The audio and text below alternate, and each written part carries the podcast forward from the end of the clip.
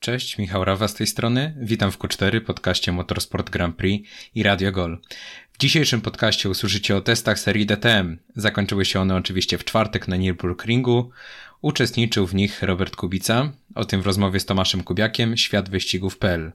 Natomiast w drugiej części podcastu o powrocie IndyCar, które z nową częścią na bolidach, aeroscreenem, czyli systemem ochrony głowy kierowcy, rozpoczęło w ostatni weekend sezon 2020. O tym w rozmowie z Grzegorzem Piotrowiczem, a oba tematy przedzieli podsumowanie wydarzeń tygodnia.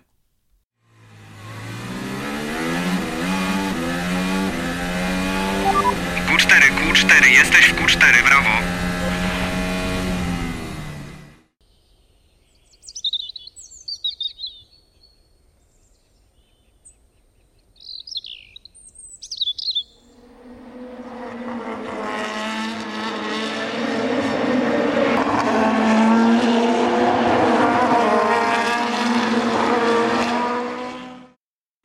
Długo wyczekiwana w Polsce seria DTM rozpoczęła testy na torze Nürburgring. Za nami e, kilka dni testowych. Oczywiście jeździł Robert Kubica w swoim e, biało-czerwonym BMW. Moim gościem jest e, Tomasz Kubiak, redaktor naczelny światwyścigów.pl. Dzień dobry Michale, dzień dobry Państwu.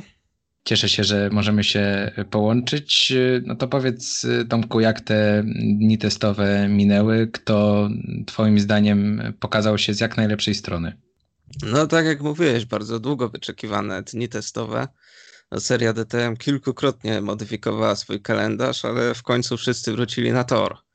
E, mieliśmy cztery dni testowe i to są jedyne testy przed tym sezonem i trzy ostatnie dni zostały zdominowane przez samochody Audi, czyli podobnie jak to miało miejsce w zeszłym sezonie. W dniu drugim i trzecim najszybszy był prywatny kierowca Ferdynand Habsburg, a dzisiaj dwukrotny mistrz serii René Rast. I tylko pierwszego dnia BMW udało się zająć pierwszą lokatę za sprawą Filipa Enga. No właśnie, obserwowaliśmy te tabele po kolejnych dniach testowych, to tam Audi zajmowało trzy pierwsze pozycje, ale w stosunku do poprzedniego sezonu i tak chyba BMW wykonało pewien progres. No, należy się tego spodziewać. Audi zrobiło w zeszłym roku bardzo mądrą rzecz, czyli wystroiło swój silnik pod przepływ paliwa 95 kg na godzinę, czyli dokładnie tyle, ile było dozwolone bez systemu push to pass. Mhm. W związku z tym no, mieli problem z wykorzystaniem tego push to passu, ale przez większość czasu byli jednak najszybsi. W tym roku ta liczba została zmniejszona do 90 kg na godzinę, co powinno pomóc BMW, ale BMW też rozwiązało swoje problemy z niezawodnością. Z tego, co nieoficjalnie wiadomo, to samochody popadały w olbrzymie wibracje i były bardzo trudne do zestrojenia. I już podczas grudniowych testów młodych kierowców było widać znaczną poprawę i kierowcy BMW są dużo bardziej zadowoleni i są też dużo bliżej. Jakby najlepszym wyznacznikiem jest osoba Jonathana Aberdina, która jeździła w zeszłym roku w Audi i w tym roku przesiadła się do BMW i on powiedział, że samochód jest konkurencyjny, więc to jest najlepszy wyznacznik, jaki mamy. Jeśli chodzi o, o te testy, to oczywiście one odbywały się bez udziału kibiców. Media też chyba nie mogły zbytnio pojawić się w padoku. Czy tam jacyś poszczególni przedstawiciele mediów byli na, na torze? A, tylko telewizja. Tylko telewizja była, tak? Mhm. E, no właśnie, mieliśmy te ograniczenia i jak sobie z nim, e, jak sobie z tymi ograniczeniami e, poradzono? Mm, całkiem nieźle. Jakby seria od samego początku stworzyła plan, czyli podobnie jak wszystkie serie, podział na strefy. Jest kilka różnych stref, jest podział na producentów, później są mniejsze strefy podzielone na zespoły, tak żeby jak najbardziej ograniczyć kontakt. W momencie, kiedy ktoś musi się przemieścić, to musi mieć obowiązkowo dobrą maseczkę i rękawiczki. E, każdy zespół, producent, organizacja musi wyznaczyć swojego delegata do spraw higieny, który pilnuje, czy wszystko jest przestrzegane. Nawet fizjoterapeuci muszą obsługiwać swoich kierowców w pełnych kombinezonach.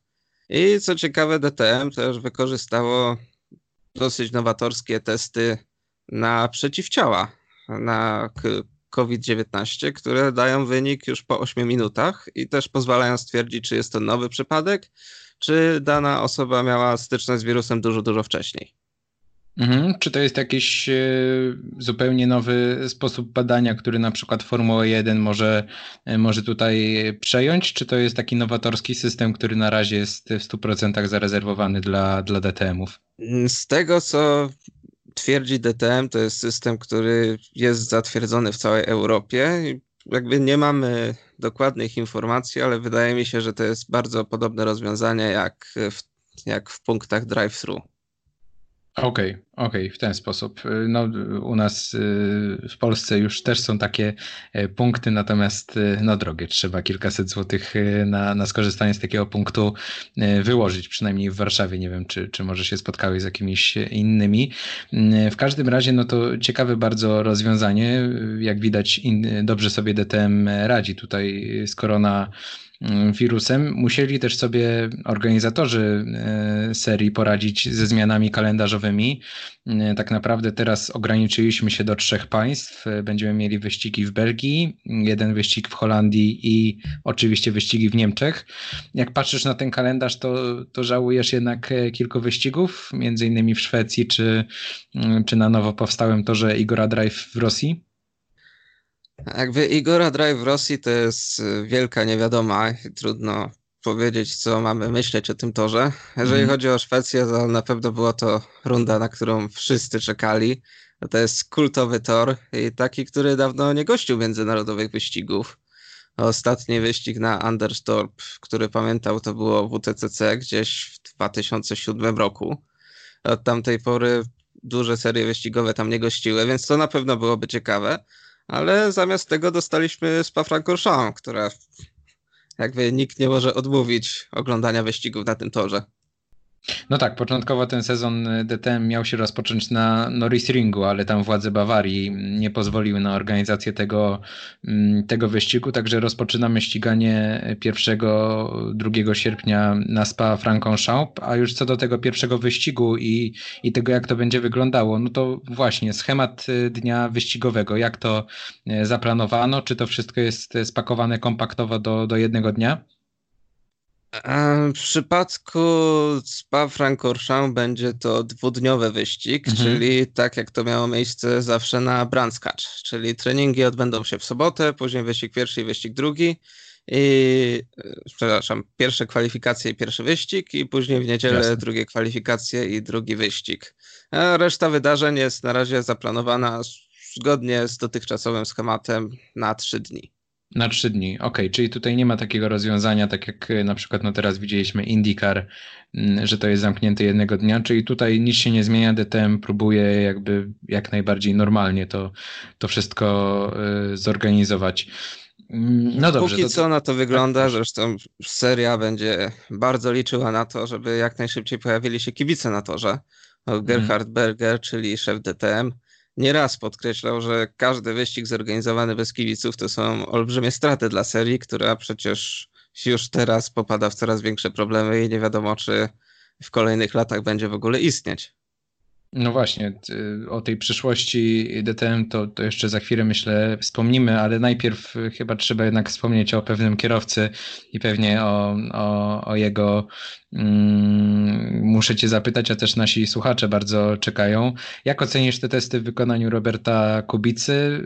Miał okazję teraz. Y, przez te cztery dni mm, pojeździć samochodem DTM, samochodem BMW w barwach zespołu Orlen Team Art początki myślę, że takie trochę na rozeznanie, ale z każdym dniem było widać, że to tempo Roberta jest y, coraz lepsze.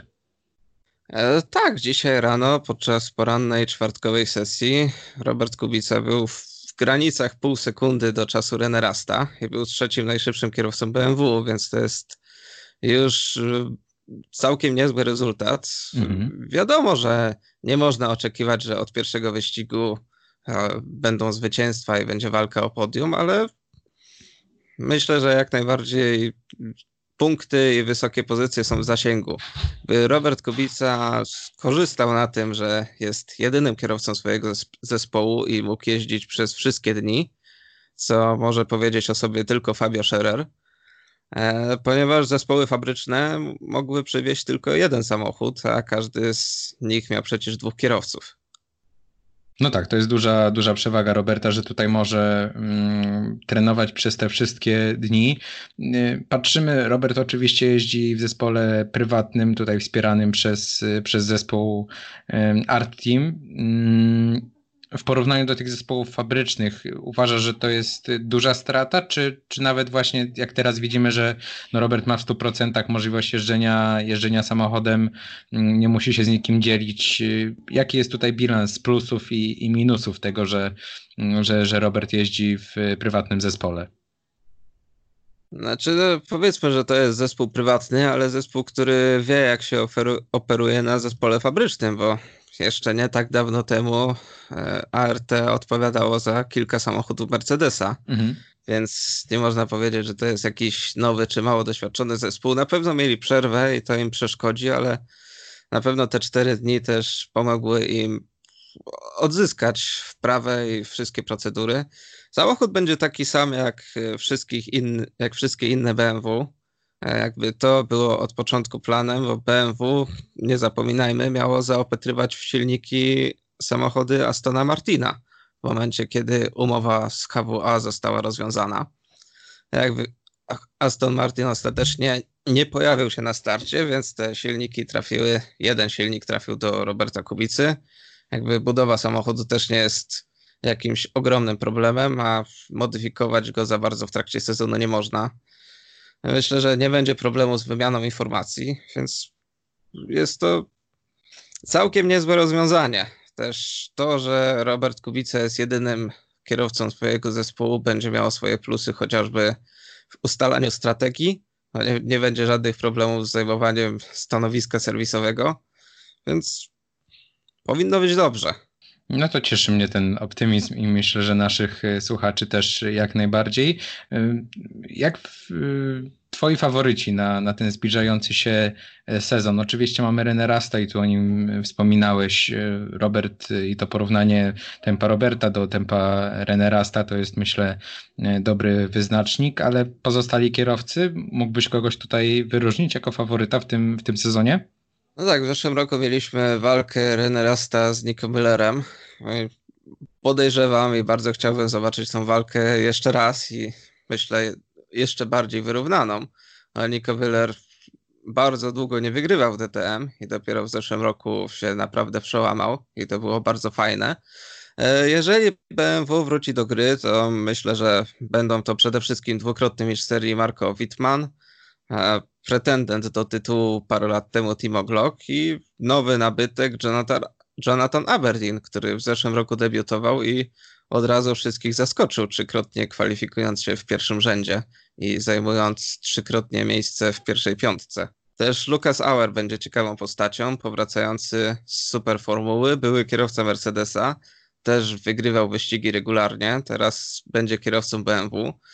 E, BMW dość mocno zmodyfikowało swój skład w przeciwieństwie do Audi, które nie zmieniło nic i myślę, że na początku sezonu to może być dobre rozwiązanie, ale jeżeli BMW faktycznie będzie mocniejsze, to powinni być coraz silniejsi w miarę rozwoju sezonu. No to 1 już sierpnia i no przede wszystkim w trakcie ścigania drugiego będziemy obserwowali E, jak, jak te Twoje przewidywania się sprawdzą i, i, jak to będzie tutaj e, wyglądało. Powiedzieliśmy już trochę o tej przyszłości serii DTM. Wiemy, że Audi opuści serię po tym sezonie. No właśnie, i, i co czeka dalej serię DTM? Czy myślisz, że ona jakoś będzie ewoluowała? Bo bo raczej jeśli zostanie z jednym dostawcą samochodów, no mogłoby przejść, no tak jak mamy na przykład Porsche mm, Super Cup, ale to chyba wydaje się mało możliwe, że, że taką ewolucję by ta seria przeszła. No problem jest w tym, że w tej chwili samo DTM nie wie, co będzie dalej i co robić. Jakby najbardziej oczywistym rozwiązaniem jest sprowadzenie producentów z Japonii, czyli uczestników serii Super GT, która od zeszłego roku korzysta z dokładnie takich samych samochodów jak DTM, tam z wyłączeniem push to pass i DRS. Ale no, japońscy producenci, czyli Honda, Toyota i Nissan nie są za bardzo zainteresowani co jest y, bardzo rozczarowujące e, z perspektywy DTM i naprawdę nie wiadomo, co będzie dalej. Są różne pomysły, takie jak chociażby wprowadzenie samochodów GTE czy GT3, ale to wiąże się ze swoimi problemami. BMW posiada samochód, samochody obu tych klas i nie byłoby to dla nich jakimś większym problemem. Ale GTE to też są samochody drogie. Porsche dopiero co wycofuje się z IMSA. To też jest y, producent koncernu Volkswagena, więc nie wiadomo, jak projekt DTM by został tam potraktowany przez Radę Nadzorczą. Inni niemieccy producenci w ogóle nie posiadają takiego samochodu, więc trzeba by się zwrócić za granicę, a co jak widzimy na przykładzie Japonii jest duży problem. A wprowadzenie DTM do kolejnej serii korzystającej z samochodów GT3 no, nie jest zbyt atrakcyjnym rozwiązaniem. Więc myślę, że najbardziej korzystnym rozwiązaniem byłoby po prostu zawiesić działalność serii na parę lat i opracować zupełnie nowy model, który będzie konkretnie e, jedyny dla DTM mhm, i pozwoli im, im zachować właśnie tę indywidualność. Może pójście w elektryczność to, to jest jakieś rozwiązanie. I, no bo wiemy, że Audi tutaj rezygnuje, ale na przykład pozostaje w Formule E. Tam wiele koncernów e, inwestuje w te, w te zespoły w Formule E, więc może to jest też jakaś droga. E, z tego co wiadomo, jest taki plan i nawet już w 2025 roku DTM miałoby być elektryczne, ale jak widać było to za mało, żeby przekonać Audi do pozostania. Mhm. Czyli ten długoplanowy, długofalowy plan e, nie, nie, interesował ich tutaj. No ciekawy jest rozwój tej, tej serii, bo, bo jednak jest to seria historyczna, mm, bardzo uznana w świecie e, wyścigów, więc e, no niedobrze by się stało, jeśli seria DTM zniknęłaby tutaj z wyścigowej mapy świata, no ale musimy poczekać, jak to będzie po tym sezonie. Na razie czekamy na jego początek 1 sierpnia, pierwsze jazdy na torze Spa Franką-Schaub, oczywiście z Robertem Kubicą również. Na to ściganie zapraszamy, a teraz za rozmowę bardzo dziękuję Tomaszowi Kubiakowi, redaktorowi naczelnemu światwyścigów.pl. Dziękuję również.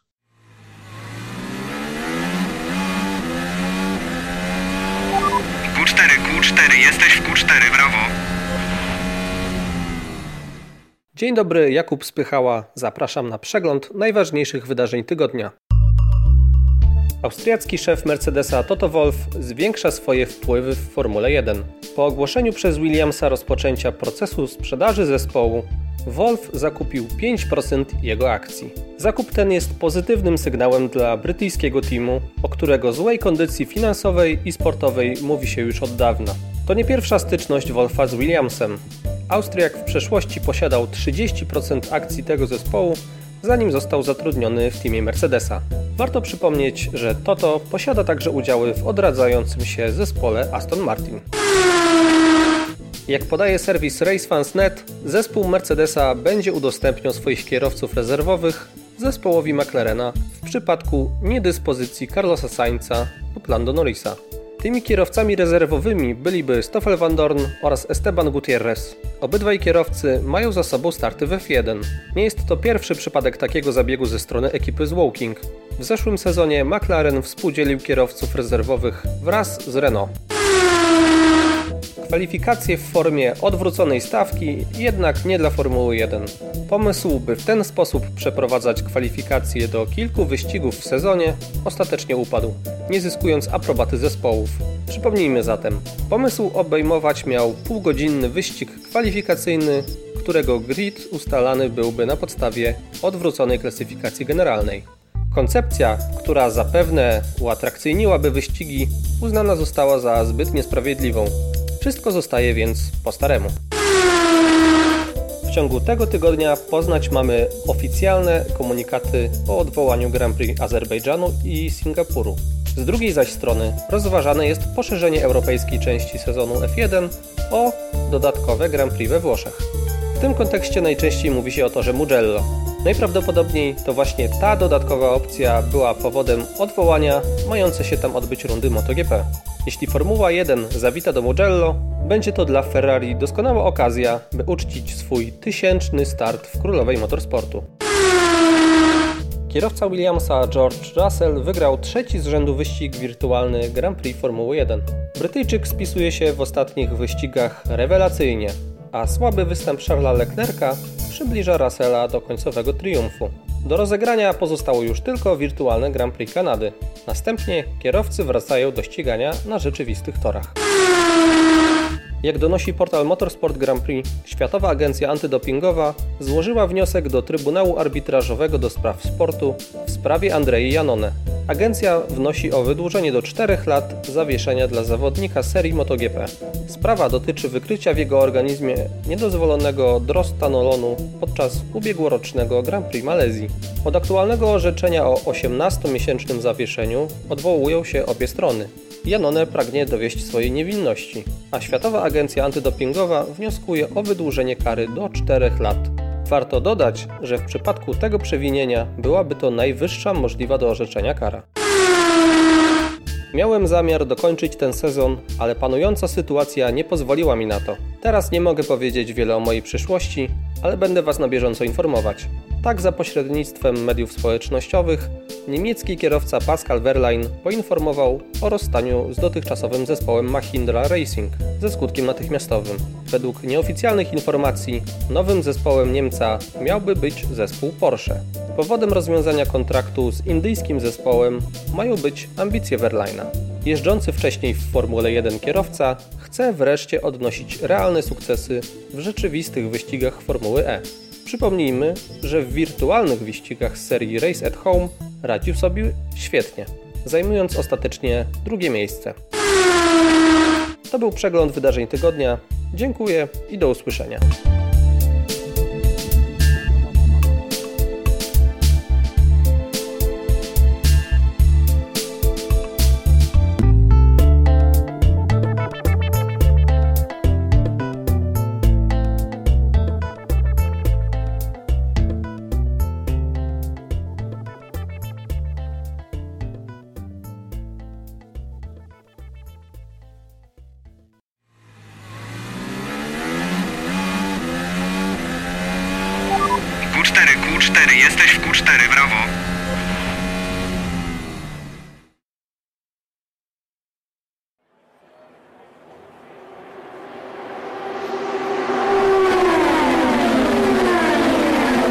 Sobotę 6 czerwca wystartował sezon 2020 IndyCar.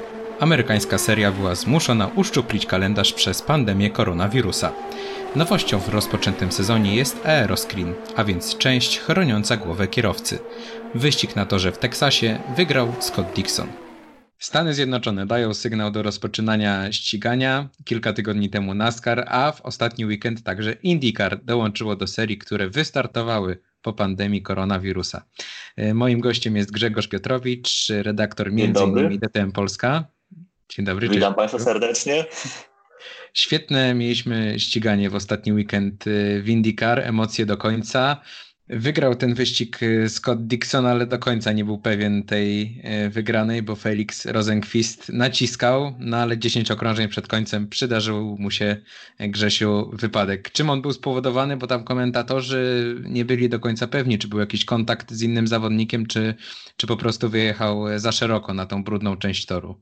E, właśnie ja też, no jednak komentatorzy widzą trochę więcej, dlatego nie chcę tutaj wydawać jakiegoś osądu jednoznacznego, że tu mógł być kontakt, e, to mógł być najechanie na debris, czy też e, najechanie na jakieś właśnie szczątki, na kawałki gumy, e, które leżą właśnie poza tą optymalną linią wyścigową, więc tutaj nie dopuszczę się żadnego, wydania żadnego osądu, ale ważniejsze tego, od tego wypadku myślę jest to, że jest warto zwrócić, zwrócić uwagę na to, że jak bardzo dobrze Ro- Rosenquist do tego momentu jechał. Był, no właściwie Genazzi jechało w tym momencie po duplet. Rosenquist naprawdę jechał na bardzo wysokiej drugiej pozycji, gdzie też bardzo świetnie walczył wcześniej z Simonem Pagenautem, e, z Josephem Newgardenem, gdzie też ba- dość długo pracował by wyprzedzić e, tych dwóch rywali, a tu na tym torze w obecnej sytuacji w związku z tym, jakie są limity nałożone te na długość stintu, m, na to jak e, no, też przez to wygląda rywalizacja, to ta walka była naprawdę świetna i no, Rosenquist zasługuje na ten, na dość duże uznanie. Ale fakt faktem, no, nie ukończył wyścigu, no przez właśnie, czy to kolizję, czy właśnie przez, przez jakiś błąd.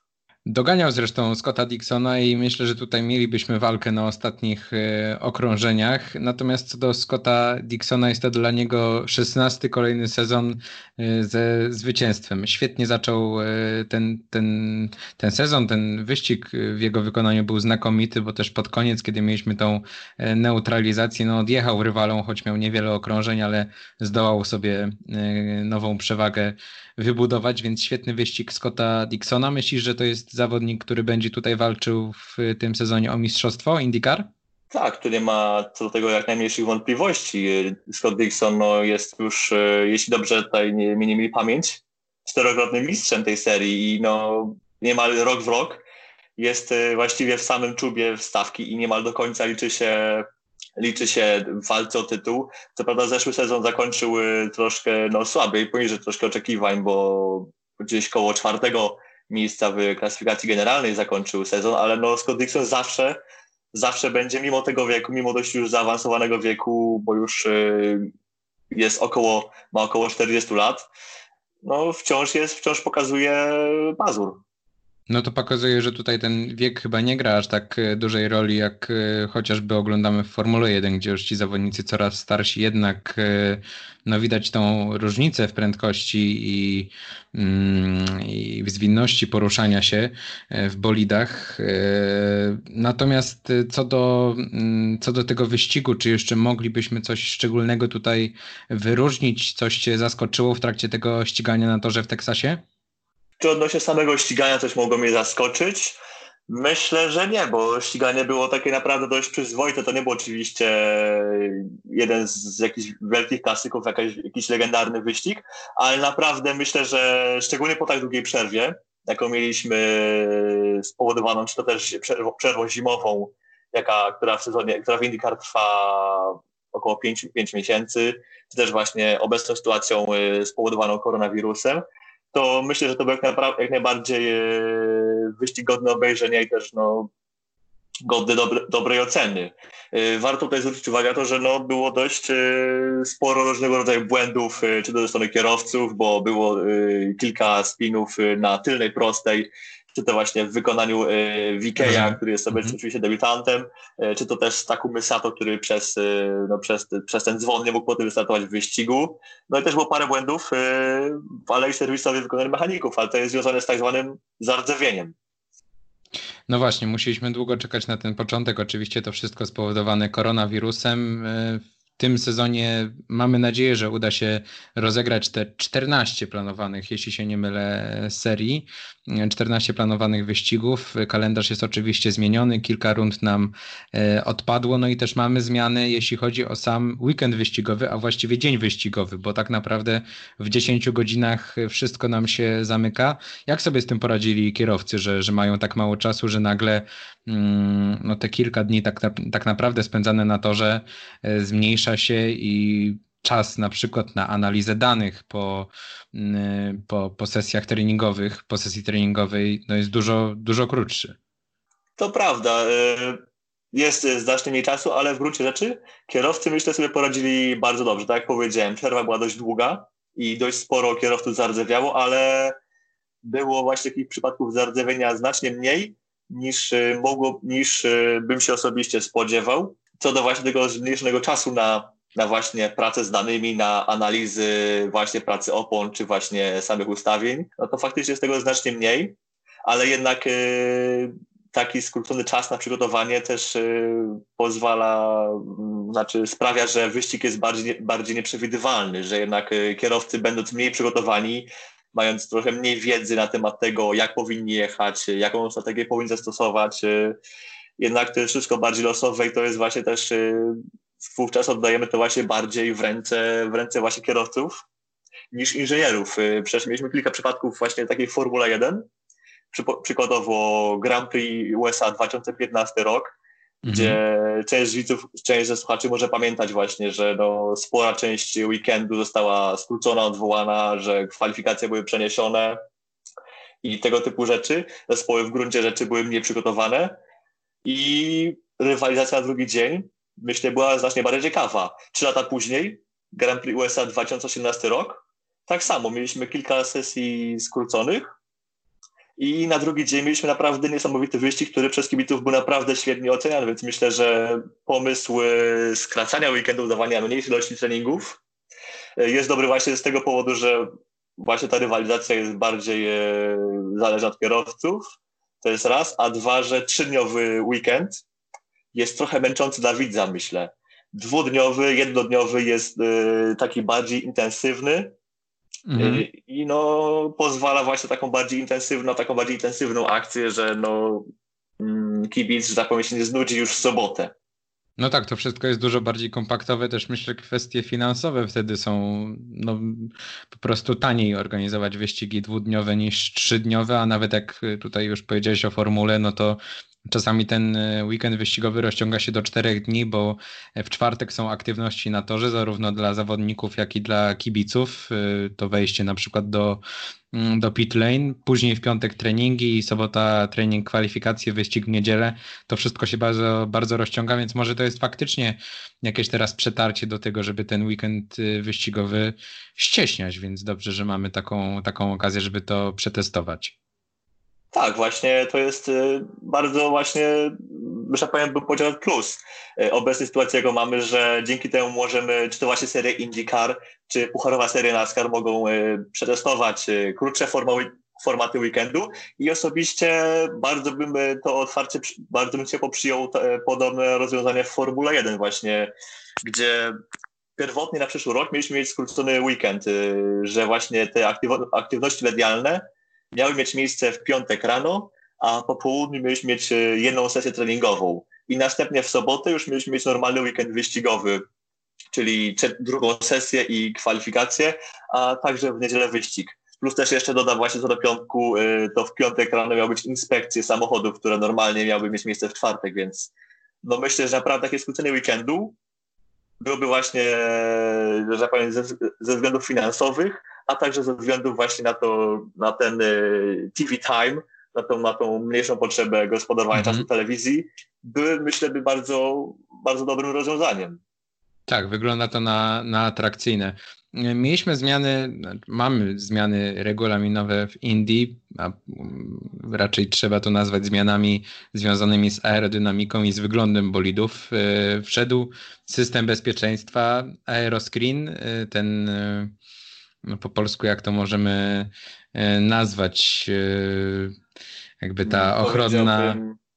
Szyba, tak e, Ta ochronna, ochronna szyba, jeśli tak to możemy, chociaż no nie szukajmy tutaj chyba polskiego odpowiednika. Mamy aeroscreen, czyli tak porównując do wyścigów Formuły 1, IndyCarowy ochrony głowy, Halo, głowy tak, kierowcy. Tak, tak. Właściwie tak. tak sprecyzuję właśnie, że to jest połączenie właściwie aeroscreenu i Halo, ponieważ właśnie no ta budowa jest bardzo podobna. Też, mhm. Tak, to jest raz. Dwa, że też tę centralną część szyby rozdziela właśnie pod tą szybą taki pałąk, który jest jest po, po, podobnie poprowadzony jak Halo, więc właściwie to nie jest sam aeroscreen. Ale tak, to jest duża zmiana ważną rzeczą oprócz e, samego wyglądu i tego, że będzie oczywiście chronić bardziej kierowców, jest też to, że wzrośnie masa samochodu. E, tutaj ja sam e, przyznaję się szczerze bez bicia, że nie wiem do końca ile to będzie, o ile to będzie wzrost. Wiem, że Halo w Formule 1 to jest około 10 kg więcej, ale też to będzie zmiana odnośnie charakterystyki samochodu w tym sensie, że balans, y, znaczy środek ciężkości samochodu będzie znacznie bardziej z przodu, a także będzie ten środek ciężkości będzie trochę wyżej, co właśnie też y, no, sprawiło, że mm, na torze Texas Motor Speedway te dozwolone długości stintów y, na jednym komplecie opon musiały zostać skrócone z 60 okrążeń do 30, bo raz, że w związku z obecną sytuacją Firestone nie mogło przetestować opon, no to właśnie przez to musieliśmy mieć właśnie takie właśnie krótsze stinty, co owocowało większą ilością pitstopów. No właśnie, to, to spowodowało to większe zużycie opon. Wiemy, że kierowcy nie mogli wykonać więcej niż te 35 okrążeń. To, co powiedziałeś, przez koronawirusa firma Firestone, która produkuje opony dla serii IndyCar, nie zdążyła niestety przygotować nowych kompletów opon. Z tego, co czytałem, to około 70 okrążeń mają wytrzymać te nowe opony, więc no to tak naprawdę dwu, dwukrotnie dłuższy będzie mógł być ten, ten stint. Natomiast y, sami kierowcy wypowiadali się o aeroscreenie, między innymi Joseph Newgarden, czyli zdobywca pole position w kwalifikacjach, mówił, że tak naprawdę nie widział różnicy, że, że jedzie mu się bardzo dobrze za aeroscreenem, a, a kierowcy też podkreślali, że po prostu czują się teraz w samochodzie bezpieczniej, więc no jest to nowość, która, która znowu jest y, chwalona. W Formule 1 również się zastanawiano nad aeroscreenem. Y, dla, dla IndyCar produkuje go Red Bull, także Red Bull proponował mm, Formule 1 aeroscreen. On nie został wprowadzony, zdecydowano się na system Halo. Zobaczymy, czy, czy później formuła się nie, nie zdecyduje. No teraz IndyCar, jeśli chodzi o aeroscreen, przeciera szlaki. Tak, jest jak najbardziej bardzo pozytywne rozwiązanie, właśnie bardzo ciepło przyjęte przez, y, myślę, większość ludzi związanych z serią, czy to właśnie kierowców, y, czy to oficjeli y, samej serii, sponsorów. Myślę, że przez niemal wszystkich, ale jest jedna istotna rzecz, którą właśnie, która jest dość istotnym problemem dla samych kierowców, mianowicie chłodzenie. No nie oszukujmy się, do tej pory przez te wszystkie lata, gdy kokpity w samochodach IndyCar, czy też właśnie w Formule 1 były odkryte, to no, kierowca miał, że powiem, bardzo wiele powietrza. Mhm. E, dosta dostawało się, że powiem, przyjmował bardzo dużą ilość powietrza na, na kask, e, co bardzo pomagało e, w chłodzeniu samego kierowcy właśnie w tej cyrkulacji powietrza, która jest no, potrzebna dla prawidłowego funkcjonowania organizmu kierowcy podczas właśnie jazdy na prostej, czy to właśnie w zakrętach z, z różnymi przeciążeniami. No a teraz jak mamy właśnie tak y, kolokwialnie mówiąc szybę, mamy kolokwialnie mówiąc szybę właśnie przed, przed, przed twarzą, no to tego powietrza wchodzi mniej. Mm, I tutaj y, już przed, y, oczywiście przed pierwszymi testami zdecydowano się na wprowadzenie takich właśnie nozdrzy, bym powiedział, które są, y, y, które są tuż przed, przed szybą, przed właśnie przed samym, samym aeroscreenem, które mają właśnie na, za zadanie troszkę wprowadzić trochę tego powietrza do kokpitu, by właśnie kierowca mógł oddychać, by też ta szyba nie parowała, bo to jednak też w odpowiednich warunkach może właśnie parować, ale to jest wciąż podobnież za mało, że wciąż, jak dobrze kojarzę kilku kierowców, po wyścigu właśnie w Teksasie powiedziało, że, że okej, okay, że to rozwiązanie było lepsze niż y, brak jakiejkolwiek y, wentylacji, ale wciąż to było naprawdę na granicy, że naprawdę niektórzy no nie czuli się najlepiej już, że było za mało tego powietrza, potrzebowali go więcej. Więc to na tym e, seria IndyCar musi troszkę popracować. Popracować. Mhm.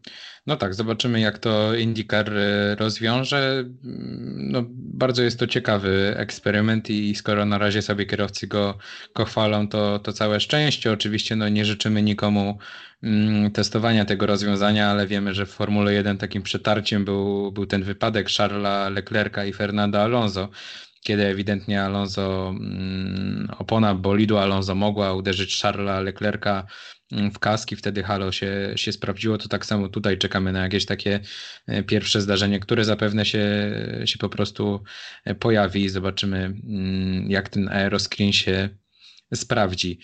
Powoli będziemy zmierzali do końca naszej rozmowy. Trzeba także wspomnieć, że mieliśmy kolejny wyścig e, serii NASCAR na Martinsville. Wygrał go e, Martin Truex Jr. Śledziłeś e, wczorajszy wyścig. Co możesz o nim powiedzieć? Jak najbardziej. Tak, może nie powiem, nie powiem, że cały wyścig śledziłem, ponieważ no, tor, wyścig na torze Martinsville no, jest rozegrywany w dość, że powiem, niezbyt wygodnej porze dla nas, y, dla europejskiej części widzów.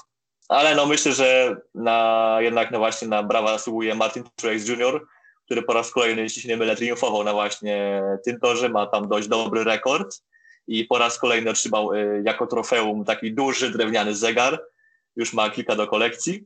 Natomiast y, bardzo fajnym, fajnym momentem było to, że w drugi etap wyścigu wygrał y, Jimmy Johnson, który od kilku lat, y, od momentu właśnie wprowadzenia tych, tego podziału wyścigu na etapy, no nie wygrał żadnego, właściwie nie wygrał żadnego wyścigu poza jednym, nie wygrał, nie wygrał więcej niż jeden wyścig w serii pucharowej NASCAR, a właściwie ma tylko parę zdobytych, takich właśnie tak, zdobytych zwycięstw etapowych. I jednak jako, że on po tym sezonie odchodzi, to właśnie fajnie obejrzeć E, fajnie obejrzeć e, choćby takie zwycięstwo etapowe. Natomiast było parę ważniejszych, e, ważniejszych motywów w trakcie tego jednodniowego weekendu, że, że tak powiem. Mianowicie mm, mieliśmy Babę Wallace'a, który jechał z dość ważnym dla, dla, Ameryka, dla Ameryki malowaniem, mianowicie Black Lives Matters. Mhm. To jest myślę bardzo, bardzo ważny temat. Też myślę warto wspomnieć, że niedawno temu Pucharowa Seria NASCAR y, postanowiła, właściwie dzisiaj y, ogłosiła oficjalnie, że od teraz y, na torach jest zakaz wstępu z flagą Konfederacji, więc sam wyścig oczywiście był w pewnym sensie interesujący, ale właśnie dużo się dzieje wokół serii NASCAR. Wokół no, jest parę przemian, że jednak no, seria NASCAR się zmienia, że właśnie zakazuje flagi Konfederacji, to jest raz. Y, dwa, że nawiązali też współpracę z jedną z organizacji mm, związanych y, z ruchem LGBT, więc widać, że sama seria NASCAR zmienia się trochę z takiej serii, że tak powiem, południowej. Mhm. Otwiera teraz się staje taka, Otwiera się właśnie bardziej na też taką tą bardziej zachodnią, yy, przepraszam, północną część Ameryki, też staje się taka właśnie taka mniej konserwatywna co jest bardzo właśnie ważnym wydarzeniem dla właśnie całej serii, bo jednak może to pozwoli, pozwoli na poprawę y, samego imidżu całej serii, co też może sprawić, że więcej osób, y, czy to z USA, czy spoza USA, się tą serią zainteresuje. No to prawda, takie otwarcie. Dobrze, że o tym wspomniałeś, bo teraz y, no, cały świat żyje tymi wydarzeniami w Stanach e, Zjednoczonych, e, śmiercią George'a Floyda, więc, więc to są bardzo ważne symbole tutaj, e, które Indika, e, które, przepraszam, NASCAR oczywiście mm, propaguje. Bardzo Ci, Grzesiu, dziękuję za tą rozmowę. Jeszcze na pewno nie raz się połączymy i śledzimy cały czas to, co się dzieje za oceanem. Następny wyścig mm, NASCAR już w najbliższą niedzielę w Miami, na Homestead Miami Speedway. Natomiast IndyCar dopiero 4 lipca będzie się ścigało na Indianapolis, więc z tego, co rozmawialiśmy, to na podobne podobnej pętli, co, co niegdyś Formuła 1 się tam ścigała. Także z Owali teraz przejdziemy na Indianapolis, na, na tą pętlę e, wyścigową. Ciekawie się bardzo szykuję, a za tą rozmowę Ci bardzo dziękuję. Ja również Tobie dziękuję. Dziękuję wszystkim e, słuchaczom. Dziękuję też za możliwość e, mojego debiutu podcastowego w tak, że zacnym, zacnym cyklu. Dziękuję Ci bardzo, bardzo to miłe z Twojej strony. Grzegorz Piotrowicz, y, między innymi współpracujący z DTM Polska, ale zajmujący się także y, tym, co w motorsporcie za, oceanem, za, za oceanem przepraszam, się y, dzieje, był moim gościem. Dzięki wielkie Grzesiu. Też dziękuję. Do usłyszenia.